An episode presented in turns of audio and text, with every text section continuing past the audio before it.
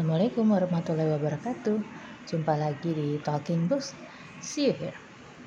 Hari ini saya masih satu bab lagi dari buku Sanias Nainhan yang berjudul Kisah-kisah Al-Quran Pertamaku. Ini adalah chapter kelima. Allah menciptakan semua. Bismillahirrahmanirrahim. Allah menciptakan semua hewan, burung, serangga, dan juga ikan. Allah menciptakan mereka semua Sebagian hewan ada yang terbang, ada juga yang berenang. Beberapa merayap dengan perut mereka, beberapa yang lain berjalan dengan kedua kaki, dan sebagian berjalan dengan empat kaki. Allah menciptakan ikan. Ada ikan yang hidup di danau, ada ikan yang hidup di sungai, ada pula ikan yang hidup di laut. Di laut terdapat paus yang besar, ada juga hiu yang berbahaya, serta lumba-lumba yang ramah.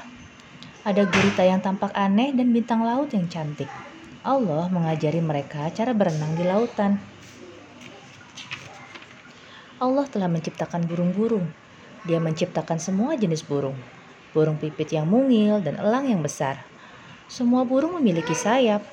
Sebagian burung terbang tinggi di langit. Allah mengajarkan burung cara terbang tinggi. Allah telah menciptakan sapi dan kambing. Mereka menghasilkan susu untuk kita. Kita minum susu hingga tumbuh sehat dan kuat. Kita membuat mentega, yogurt, dan keju dari susu. Allah menciptakan domba. Domba-domba memiliki bulu wool. Dari wool domba kita membuat sweater, shawl, dan selimut. Semua itu menjaga kita tetap hangat. Allah menciptakan laba-laba. Allah mengajarkan laba-laba cara menenun jaring. Laba-laba berukuran kecil, tetapi mereka dapat menenun jaring yang sangat besar. Laba-laba yang kecil dapat menutup jendela besar dengan jaringnya, bahkan pintu. Allah menciptakan lebah. Lebah terbang dari satu bunga ke bunga yang lain. Sedikit demi sedikit mereka mengumpulkan sari bunga dan menjadikannya madu. Madu sangat enak. Madu adalah obat yang manjur untuk batuk dan pilek. Allah menciptakan kuda, keledai, dan unta. Mereka sangat kuat.